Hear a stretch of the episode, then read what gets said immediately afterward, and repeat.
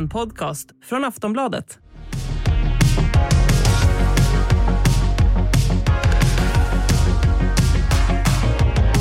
Lena och My, välkomna hem till studion. Tack, så mycket. Har ni saknat den? Ja. Det är en trygg liten plats vi har skapat här Mm, tycker jag. Det är det verkligen. Idag är det en månad sedan som Ryssland invaderade Ukraina och effekterna av det här börjar ju synas allt mer runt om i världen och vi kan ju inte ännu riktigt förstå alla konsekvenser som kommer med det här kriget. Men i Sverige väntar ett val i september, vare sig det känns som läge eller inte. Och resultatet av det valet känns väl osäkrare än någonsin, eller vad säger ni? Ja, det får man väl sammanfatta det med. Framförallt så ser vägen dit eh, inte ut som den gjorde för eh, sex veckor sedan. Nej.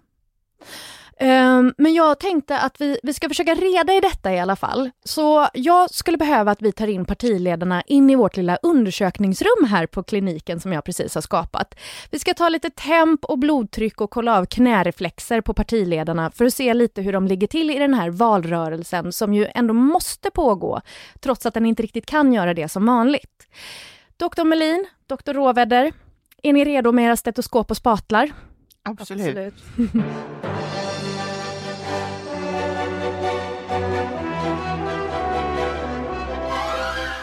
Jag kommer vara er lovely undersköterska för dagen.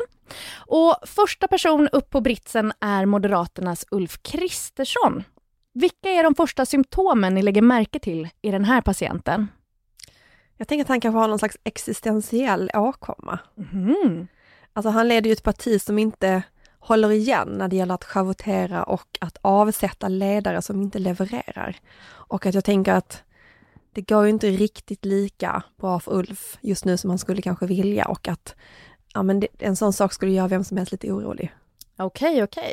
För jag tänker när vi startade den här podden för ett halvår sedan så var ju det här en man som ni var ganska säkra på ändå skulle ta hem det här valet. Han, han såg ut att ha helt perfekta förutsättningar. Men sen dess har han ju fått en ny svårare konkurrent i Magdalena Andersson och ett krig har brutit ut och nu har han väl ändå sjunkit ihop lite får man väl säga, eller? Vad säger du Lena? Absolut. Jag, jag skulle nog gärna vilja ge, ge honom en mycket omfattande vitaminkur. Jag tycker han ser ut att behöva det, behöva det, förlåt mig. Eh, eh, alltså, de, Moderaterna ligger ju över sitt valresultat och det är bra. Det är inte alla så, så att alla partier gör det. Samtidigt ser det på något sätt att nu ska han, har han en väldigt svår roll här för att samtidigt som han ska mejsla ut en en kraftfull så att säga, oppositionspolitik ska han ändå inte eh, hålla på och mopsa så mycket om, om, om med regeringen därför att i den, i den här svåra tiden så, så gillar inte folk det. Och jag tycker det var väldigt intressant den här utflykten som han och Magdalena Andersson gjorde till eh, Nordnorge till en NATO-övning där, Mm. där eh, Sverige och Finland också deltar. I, eh, så för att han såg ut som, ja, jag vet inte riktigt, så lite, lite så här eh, Ja, jag vill inte säga knähund för det, det låter för dumt, men, men något åt det hållet. Det har vi inte sagt. Nej, Vi sa det inte. för där gick Magdalena i någon lånad jacka från försvarsdepartementet med något så här eh, värja och, och emblem och grejer. Och han larvade runt i sin li- vanliga lilla sportjacka och rutiga skjorta och liksom gick ett par steg bakom. Det, var, ja, det, det gav inte en bra bild. Men Fick ingen tänk- jacka. Men tänk vad konstigt det också har sett ut som om han hade haft likadana kläder. Om han liksom hade haft samma kläder, jacka som henne och då hade haft liksom, han är ju inte hennes stab. Nej. Heller. Alltså väldigt svår avvägning vad man ska göra. Men å andra sidan, då hade de ju haft samma pondus in, för att det är ju inte hennes standardjacka heller, det var ju försvarets jacka liksom. De har haft så här samma besökarstatus. Nu Ja, det kom han dit dessutom och... var det försvarsdepartementets heraldik. Alltså jag gick verkligen till botten med det här. Med en värja, en korsad någonting som hette orderpinne och sen så var det då eh, ja, alltså svenska vapenskölden. Du gjorde ett riktigt detektivarbete på den här Du symbolen. vet, jag snöade in totalt på en timme. Ulf glömde också berätta från början att han skulle åka dit tillsammans med Magdalena Andersson. Ja, jag såg det på Ja, Instagram. Ja. Hon la ut att hon hade varit där tillsammans med honom och så var det en bild på dem båda, men när han la ut det på Instagram så var det bara en bild på honom och så sa han “Jag har varit på det här” och låtsas inte inte om att Magdalena finns. Sen så fick han kritik och så ser man Ja, han är- under texten Mm. redigerad. Och det som understryker det här lilla, att han liksom ändå befann sig i bakvattnet, det var ju att för att få ut något av den här resan överhuvudtaget så var han ett par dagar innan tvungen att skriva en debattartikel och lägga om kursen i NATO-frågan för Moderaterna. De ville absolut inte längre gå i takt med Finland och de ville heller inte gå i takt med Socialdemokraterna. Så vad var det han ville? Vad var det han sa att liksom... han, han sa att Sverige skulle söka medlemskap på stubben så fort han blev statsminister. Och hur tolkar ni det draget? Men det roliga, ja men det som gör honom till en liksom förlorare även i denna kanske djärva fråga, det är att vem kliver fram på scen bara efter väldigt, väldigt kort tag? Ja men det är Carl Bildt som säger, nej men Ulf Kristersson har fel. Och om det finns någon gud inom Moderaterna på den utrikiska politiska himlen så är det ju Carl Bildt. Och då blir det ju inte bra om, han, om Ulf Kristersson får smäll på fingrarna från Carl Bildt. Nej. Men är det inte samtidigt ett friskhetstecken från Ulf Kristersson? Exakt, jag Att- tänkte säga. ja. Att det fanns lite hopp ändå, lite studs Lite i vaderna. fight i honom, att så här, äh, men nu tar jag ifrån tårna och så försöker han åtminstone med något. Men samtidigt är det så här att det, han räknar ju iskallt då med att, att om man gör ett sånt utspel att inte skulle kunna gå, men då räknar han ju också med Sverigedemokraternas stöd och alltså det är ju inte ett ja till NATO de har sagt Nej. egentligen. De har sagt att vid en, en situation där liksom den här frågan verkligen behöver prövas så ska de vara öppna för att Men pröva de- den. Men kanske ett ja. Framförallt så vill de gå i takt med Finland. ja. Ja. Så att det är ju verkligen inte så att han har det här i påsen. Verkligen inte. Men, Ett men lite, lite oljud kan man ju ändå göra, lite buller och skrammel kan man ändå hålla på Ja. med. Men, eh, Ja, men det var ju helt misslyckat. Ja nu när, när han fick skäll från chefen. Ja, och dessutom var man tvungen att, att, att trippa efter Magdalena Andersson i en helt vanlig vardagsjacka två, en, är så en meter deppigt. bakom på en NATO-övning. Mm. Vi ska, vi ska avsluta undersökningen här med Ulf Kristersson här på kliniken, men innan han går så ska han ju få med sig ett recept här framåt på vägen. Du var inne på en vitaminkur som Mm. vi skulle skriva till honom. Vad, vad vill du ge honom på recept, My? Man kanske skulle behöva en dola, någon som guidade honom igenom den här processen av att föda det konservativa blocket. Håller honom i handen och säger så här, det går bra Ulf. Mm, jag, jag skickar med honom några Bamseplåster på vägen också, Mm. trots att jag inte får ordinera något. Ja. Eh, tack för det Ulf. Då spritar vi av britsen och drar ut nytt sånt här hårt papper från rullen. Nästa person som knackar på är Socialdemokraternas Magdalena Andersson. Och jag säger att den här patienten har ju studs i stegen och ser vid första anblick rätt kry och rosig ut om kinderna. Eller hur diagnostiserar ni henne? Nej, men hon, hon mår ju bra. De ligger klart över sitt valresultat. Eh, Det är visserligen kris i världen, men, eh, men sitt parti har hon ändå ordning på. Ja. Ganska. Högsta stödet på sex år såg jag. Eh, alltså sen invasionen så har S högsta stödet på sex år såg jag. Nej, det är faktiskt eh, det är, det är sedan 2014 i våra mätningar. Men med opinion är det ju så att efter uppgång kommer alltid fall. Så Okej. att även hon får väl njuta lite av de här rosiga kinderna nu ett tag. Men Det här, vad som händer om vi går tillbaka till den här ehm, eh, förnedrande NATO-övningen. Eh, hon hade ju inte behövt bjuda med Ulf Kristersson på det överhuvudtaget. Det låg ju inte liksom, det var inget måste där. Vad var hennes strategi bakom det? Jag tror det var precis det som hon verkade lyckas med. Få honom, förminska honom. Tror du det? Ja, Det var inte en utsträckt hand att så här, det som de sa, att eh, över partigränser, vi jobbar tillsammans. alltså hon, ja, men i ärlighetens namn, hon har ju jobbat på det. Hon har ju, alltså i de här försvars och säkerhetspolitiska frågorna så har ju, verkar hon ju vilja ha ett tätt, eh, inte kanske samarbete, men i alla fall ett informationsutbyte med Ulf Kristersson. Men jag tror inte att det var bara därför. Alltså, Det var ingen slump att han inte fick en jacka. ingen, ingen blir statsminister på vara en god människa, det kan jag säga. Nej, men det är ju det, just det här med, som vi sa innan, att man vinner ju på att vara enig i en kris. Och hon plockar ju lite så här, landsmoderpoängen då på att visa enighet med Ulf Kristersson i en turbulent tid, bjuda in. Och sen har hon ju lite tur att han spelar med det här spelet genom att liksom vara lite ogenerös och skriva att han själv ska åka dit och sådär. Att han visar på att de inte kanske delar de här ambitionerna. För han vill ju ha, han vill ju ha liksom fight ändå. Och frågan är ju bara var han ska hitta den. Han försökte med NATO, vi får se hur det går, vi får se vilka andra liksom motsättningar han kan hitta. Han måste ju ha någonting när han går in i en valrörelse. Eh, Magdalena Andersson, den här patienten, hon ser ju då som sagt ut att vara väldigt frisk just nu. Samtidigt har hon ju en extrem börda på sina axlar. Vad vill ni ordinera henne att ta med sig längs med vägen? Alltså en sak som jag eh, tror att hon behöver tänka över, det är de här eh, miljardregnen över svenska folket.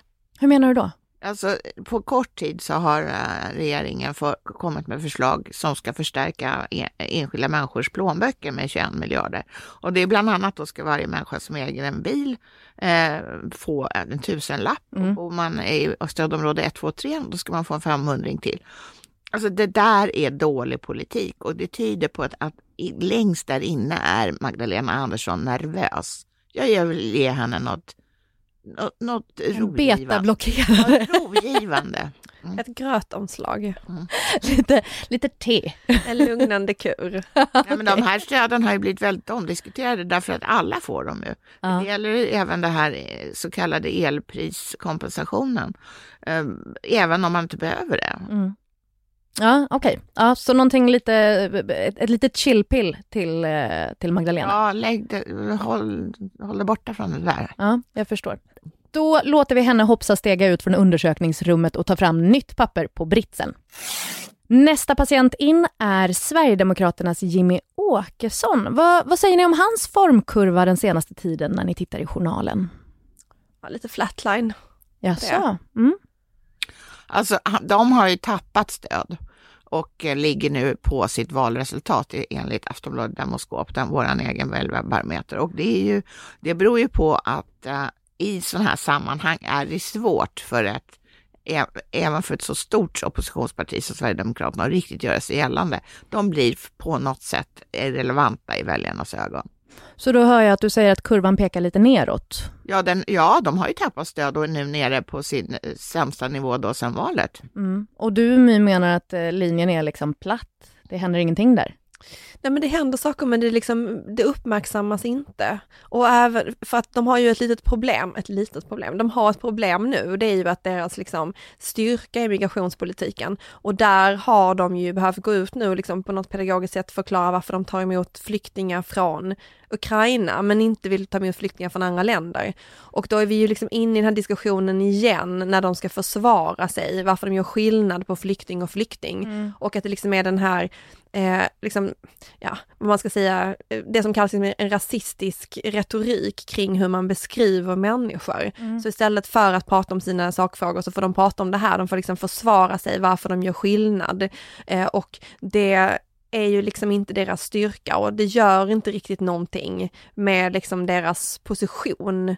Att det är liksom här fram och tillbaka. Däremot så kanske det blir längden blir svårt för dem. Ja, för... Hur, de ska, hur de ska förklara för sina väljare, för väljarna är ju väldigt invandringskritiska, deras väljare. Vi... Det är liksom därför de har valt det här partiet. Vi kan väl ta det, för att nu, nu hade de ju precis valkonferens där de har pratat om det här med att de nu är för att låta vissa eh, människor i nöd komma hit, men inte alla då såklart. Och, och Jimmy hade en del finstilt som skulle med i den där eh, eh, listan, eller vad man ska säga. Vi kan lyssna lite på hur det lät. Vi måste först och främst sätta upp riktiga gränskontroller. Vi måste stoppa asylinvandring från andra länder. Vi måste se till att annat mottagande från andra säkra länder eller av människor som inte har någon anledning att komma till just Sverige stoppas helt i detta nu. Och vi måste styra om mottagandet av kvotflyktingar. Vi måste se till att utvisa illegala migranter. Ja, men den ena skillnaden där är ju egentligen att, för det där säger de ju alltid i stort sett, men att man nu vill ta emot människor från Ukraina. Alltså oavsett trycket. Och sen så, men det finns ju flera saker i det här. Jag hörde Anders Ygeman bara igår säga också att man kanske behöver se över kvotflyktingsystemet om man tar en väldigt stor andel ukrainska flyktingar. Att liksom det ska kanske få fyllas upp. Att det finns liksom olika sätt att hantera det och reglera hur mycket människor man tar emot. Mm. Men det är klart att Sverigedemokraterna kommer att ha de kommer ha svårt att förklara det här om det blir liksom en ganska stor ansträngning på mottagningssystemet, som det blev 2015. Varför det är skillnad nu och då. Och de har ju redan eh, politiker som har trasslat in sig, Oscar Sjöstedt till exempel, när de försöker förklara varför det är skillnad. Att de liksom inte riktigt bottnar i förklaringarna, utan att det kommer förklaringar som till exempel, det var inte riktiga krigsflyktingar från Syrien, eller det var inte riktiga krigsflyktingar från liksom Afghanistan. Att det blir... Det är väldigt lätt att motargumentera mot det. Precis, det blir liksom en debatt inte om sakfrågorna utan liksom bara om hur man framställer olika saker. Men Jimmie Åkessons kravlista, för att uh, den, den, är ju inte möjlig att genomföra därför att det skulle ju betyda att Sverige hoppar av en massa konventioner. Ja, för människor har ju ändå rätt att söka ja, asyl. Men vad tänker du Lena, för att Sverigedemokraterna har ju varit väldigt bra på att sätta agendan i hur vi pratar om flyktingmottagning och så, alltså i alla partier egentligen, för att de har varit så, de har ändå varit någonting att studsa mot. Kommer de fortsätta vara det nu? Alltså jag tror att, jag tror att eftersom de är så himla bra på att luska fram vad folk, folk i gemen, eller väldigt många människor tycker i, i den här frågan, så tror jag ju att de för, har, fatt, har, in, har den kännedomen att det här är en linje som folk tycker om. Mm, mm. Därför det här är, ja det händer helt enkelt väldigt nära oss. Och om vi då ska släppa iväg den här patienten, Jimmy Åkesson, så, så måste han ju ändå ha med sig ett recept. Vad vill du ge honom, Lena? Oj, vad svårt.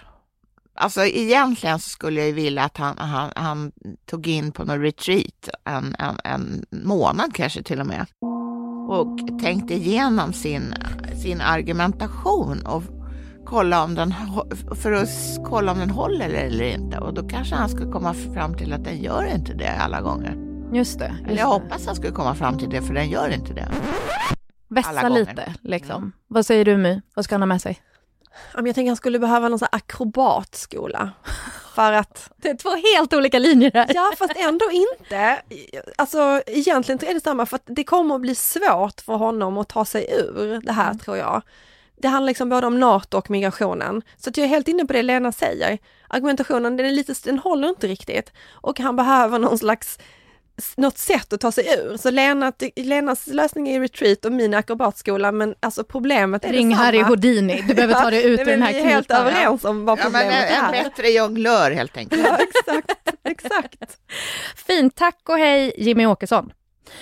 Nu står Centerpartiets Annie Lööf i dörröppningen och väntar på sin tur att analyseras. Vad, vad är hon i för skick egentligen? Nej, men det går ju ganska dåligt för Centern. Dels tappar de ju stöd, ja. de ligger under sitt valresultat och sen så, jag vet inte när man senast hörde talas om Annie Lööf. Alltså, man gör det ibland på, på väldigt långt håll. Mm, mm. Hon ropar i långt bort. Ja. Oh, oh. Jag tycker också att osynligheten är lite sådär, det börjar liksom lite magiskt bli osynligt i kanterna. Ja, för jag tänker det att just nu så uppvisar ju alla partiledarna ändå någon slags enighet kring situationen i Ukraina och vårt mottagande av de som flyr. Men ganska snart, i och med att det ju faktiskt är ett val, eh, så kommer de ju ändå behöva hitta sina sätt att sticka ut från mängden för att få folk att rösta på just dem. Och vad kommer vara hennes strategi att sticka ut? Jag tycker det är svårt att förstå nu för att hon har på något vis gått ut på någon skogspromenad som hon aldrig kommer tillbaks ifrån. Och, eh, och det, det är inte bra i ett, valår för att då är man tvungen att stå där och gapa vid vägkanten vare sig man vill eller ej. Mm, mm, mm. Alltså jag träffade ju Annie Lööf i vår partiledarintervju häromdagen. Så att jag skulle vilja säga att jag vet nog vad hon kommer att säga. Men säg det då. um, men frågan är om någon kommer att lyssna. Vad kommer hon säga? Nej men det är ju det här att den här krissituationen visar att breda samarbeten i mitten i vägen framåt. Det är ju liksom hennes afrodisiak. Ja men det hon har sagt hela tiden. Ja men precis, och för att det som händer nu är ju då att när det blir sån här liksom en kris, då samlas ju människor i mitten, då gör Socialdemokraterna och Moderaterna upp om saker, man pratar liksom i stort sett alla i riksdagen, man försöker liksom ta sig vägar fram, det är liksom konsensus och enighet som är liksom ändå parollerna kring en kris. Och det är ju där som Centerpartiet liksom vill vara. Alltså, för, vad det handlar om är ju egentligen så här, hur ska det bli verklighet i verkligheten? Ja. Inte liksom i krissituationer. Att de tycker nu att det här är beviset för att deras hållning håller. Eh, det går ju inte att liksom applicera kanske efter ett val eller om det här kriget förhoppningsvis tar slut. Så vad vill ni skicka med henne hem? Är det liksom läge att ge henne en megafon eller vad är det hon behöver? Lite massage för stämbanden? Alltså, hon har aldrig tidigare tror jag, i sitt liv behövt en coach, men nu tror jag faktiskt att hon behöver det. För att Centern har ju målat in sitt hörn. De kan inte prata med sex av partierna i riksdagen. Fy, nej, fem är det bara. Mm. Vilka är det? Hon kan inte prata med några av de, uh, av de partierna i högeralliansen och inte med Vänsterpartiet. Nej, just det. Ja. Mm. Eh, och då är det ju svårt att uppnå ett mål som, uh, som, uh, som Annie Lööf har satt upp inför valet och det är nämligen att de ska vara ett regeringsparti. Eh, och därför behöver hon någon coach. Hur fan ska hon ta sig in i regeringen utan tillräckligt många kompisar? Vem vill du ge henne? Ja, det måste vara någon superkraft. Det saken är klar. Jag, jag Barack Obama. Ja. Ring Barack. Ja. Vad säger du My? Vad behöver hon? Ja men hon kanske skulle behöva en sån här um, påse med halvädelstenar, du vet sån här som kan ge kraft. Och hjälp! Ja. Laddar sina Och- kristaller. Ja men det finns, precis, det finns ju så olika sammansättningar man kan ha, men jag tänker så här kanske en påse med mirakel. Okej, nu blev vi fake news-podden här. Nej nej men alltså det kommer ju absolut inte att funka, men det kommer ju absolut inte funka heller att ha den här inställningen Nej. som, hon, som Centerpartiet har. Så att jag menar då kan man lika bra använda sig av halvädelstenar som använda sig av någonting annat. Ge en ametist eller något. Ja. Då Jag får, tror att det finns i påsen för mirakel faktiskt. då får hon springa iväg, Annie Lööf. Och nästa patient ute i väntrummet är Vänsterpartiets Nooshi Dadgostar. Välkommen in, du kan hänga av dig byggarhjälmen här på kroken. Nu är inte jag någon läkare som ni, men det första jag lägger märke till här är att det är en patient som bär på någon slags inre kris. Håller ni med om det? Definitivt. Och vad består den krisen av? Ja, kortfattat skulle jag väl säga att partiet har löpt iväg utan att tänka efter före. Mm. Eh, Och det har nu försatt dem i, en, i ett knepigt läge. Förstår jag det rätt att det, liksom är, det, det är en konflikt här mellan eh, en del av ledningen inom Vänsterpartiet och de andra i Vänsterpartiet? Att det är där konflikten ligger? Alltså om vi tar den här senaste konflikten så gäller ju det eh, att Moderaterna och Vänsterpartiet och en, och en rad andra partier gjorde upp om att sänka bensin och dieselskatten med 4 till 5 kronor vid pump. Och eh, detta har ju då, för, inom Vänsterpartiet finns det en ganska eh, omfattande grön ådra som också bejakades väldigt mycket av den förre partiledaren Jonas Sjöstedt som själv tillhörde den faktiskt. Eh, men eh, så, eh, nu har då eh, partiet bytt linje. Nu är man ett parti för de som äter kött och potatis och vill åka på charterresa. Alltså ska de också ha, köpa billigare bensin. Och då har det rätt ett uppror från, ror från den här gröna falangen. Och det verkar väldigt infekterat i hela. Jag förstår. Okej, och, och hon, men hon kan ju inte bära runt på den här krisen om hon ska vinna några röster i september. Vad, Eller? Vadå då? Alltså är det inte det som är den här konflikten här? Alltså jag tänker att Nooshi är lite som den nya flickvännen som kommer in så här, du vet bonusföräldern som inte själv har barn som kommer in och bara så här, alltså hallå, det finns så mycket bättre saker, sätt att göra det här på. Oj, oj, oj. Eh, och liksom är så här att eh, man kan satsa på industrin, man kan sänka skatt på bensin och diesel, man kan skicka vapen till Ukraina, för det gillar folk. Alltså det är ju det. Men det sen- gillar inte nödvändigtvis vänsterpartisterna. Nej, precis. Um, alltså, de har tidigare då, om man skulle liksom göra den här analysen, satt liksom den partiet och den här klimatpolitiken liksom framför den breda väljarbasen och nu har man bestämt sig för att man vill hellre ha den breda väljarbasen. Mm. Alltså man är liksom inte nöjd det här med att vara ett 7 parti. Man vill liksom vara ett större parti än så. Alltså man har gjort den prioriteringen. Så att, eh, ja men om jag skulle ordinera någonting så säger jag bara så här, kör. Bara kör. KBK! Ja, bara kör. Varför inte? Håller du med om det Lena? Eller ska hon istället försöka ena partiet? Ja, jag tror att hon är tvungen att ena partiet om hon, alltså vad, vad är Vänsterpartiets absolut största USP? Jo, det är att de är mer vänster än sossarna. Ja. Om man inte är mer vänster än sossarna, då har Vänsterpartiet ingen USP. Och nu är just för tillfället är de inte det. De har, röstar ja till betydligt större bensinskattesänkningar än regeringen har föreslagit. Eh, de var också till en början emot den här gåvan på 5 000 pansarskott till, till, eh, till Ukraina. Så ändrar de sig i och för sig, men det är en vinglig väg och de är inte de är så att säga inte bättre på att vara sossar än sossar och det är, deras, det är Vänsterpartiets grej. Så vad vill du ge henne? Är det en, en bunke lim för att limma ihop gänget igen eller inte sniffa? Utan... Köttlim. Köttlim? Ja, jag vet inte riktigt vad... Men det kanske är en, en ideologisk kurs. Ah, hitta tillbaka till rötterna. Jag förstår. Jag tänkte att hon efter de här kriserna liksom under sommaren och hösten så att hon liksom kände sig att vara oresonlig och kompromisslös. Det var liksom hennes, hon vann på det, det var Mm. hennes grej. Verkligen. Så bara kör, bara kör rakt in i kaklet som Ulf Kristersson brukar säga. Tack och hej Nooshi Dadgostar. Glöm inte hjälmen på vägen ut. Nästa patient står och trampar av otålighet vid britsen. Vi får snabba oss här. Eh, den här patienten har jag lite svårt att tolka, nämligen Kristdemokraternas Ebba Busch. Vad får ni fram när ni knackar på hennes armbågar och knän? Alltså jag är inte orolig för den här patienten heller. Nej. Nej. Ehm, för jag tänker att i ett problem då som de andra kanske har i opposition, det är ju att hitta de här tydliga konfliktlinjerna med regeringen. Så att det ändå finns liksom en, en friktion när man går in i en valrörelse. Det är ju jättesvårt nu när enighet är liksom huvudledordet. Och här menar du att friktion finns? Men inte Ebba. Alltså hon kan hitta konfliktlinjer i politiken där ingen annan kan hitta dem. Alltså det är ju typ det som hon är bäst på. Så att, eh, och det i politiken är ju liksom, eller konflikterna är ju politikens pulsåder. Mm. Så att jag, här ser vi liksom en frisk, Blodet pumpar. patient. Ja, jag förstår. Ja. Ser du samma sak, Lena? Ja, absolut. Jag håller med mig om att hon är verkligen en fena på att nosa upp en potentiell konflikt och, och verkligen också kunna göra någonting av den Ja. i, verbalt. Det är hon jätteduktig på. Samtidigt är det så att eh, det går inte jättebra för, för Kristdemokraterna. Nej, så vad vill du ordinera henne för att det ska gå bättre? Alltså jag tror helt enkelt lite mindre konflikter med gamla farbröder, lite mindre klätterväggar, lite mer på jobbet kanske.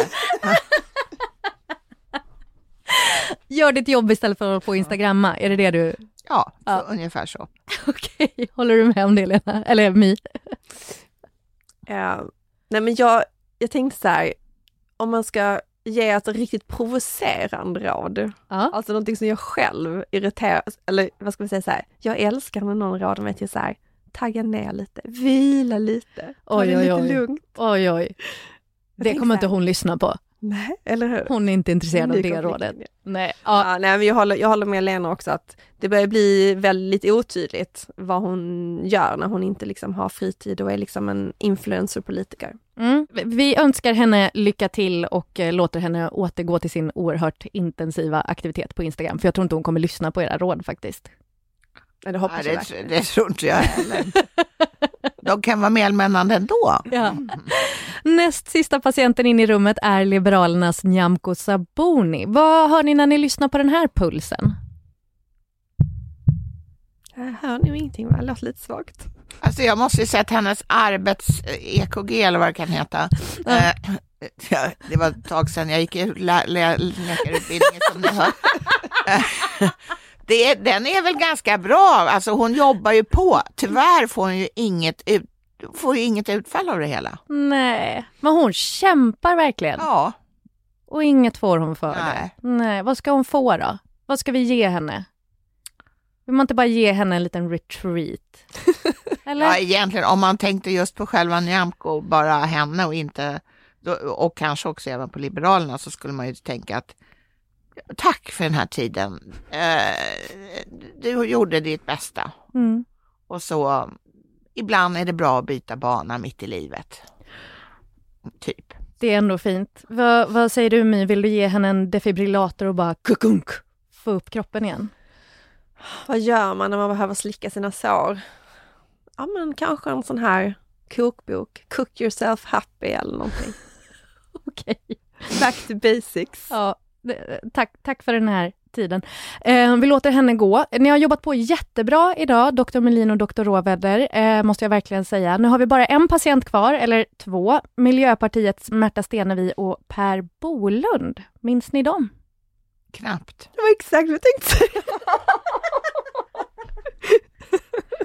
Vad synd vi inte sa det exakt så. Ja. Okej, men, men har vi någonting vi kan ge dem? En liten gåva? Någonting? Några piller?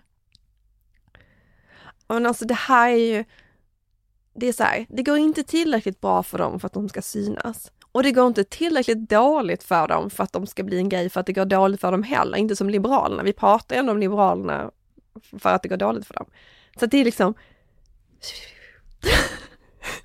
Det är som tumbleweed som Alltså, bara så här. Det, nej, men det man kan säga är att eh, en, alltså, det, är inte, det är inte bara kris i Ukraina, utan vi är ju mitt i en väldigt svår klimatkris. Mm. Och att de inte lyckas komma fram i, i, den, i detta ämne ens när i, i dessa tider när det ska, eh, elen eh, ska priskompenseras och bensinen ska priskompenseras eller all, alla möjliga andra saker. Bara nu senast med gruvan som, som, eh, som fick ja, alltså där känns det ju som att de verkligen hade en chans att låta. Ja, och det, det är ju faktiskt ett otroligt underbetyg till dem. Ja, Ja, men jag håller med. Det är otroligt. ja. de- de får inget recept hör jag.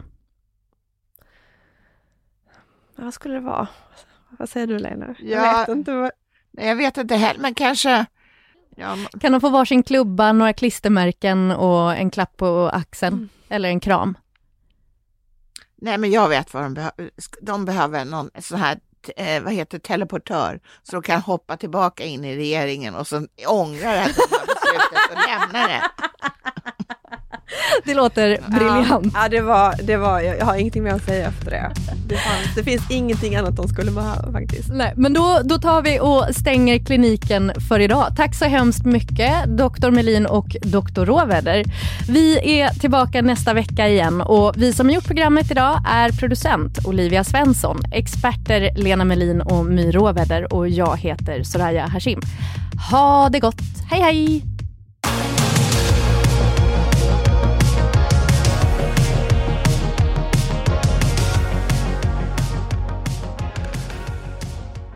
Du har lyssnat på en podcast från Aftonbladet. Ansvarig utgivare är Lena K Samuelsson.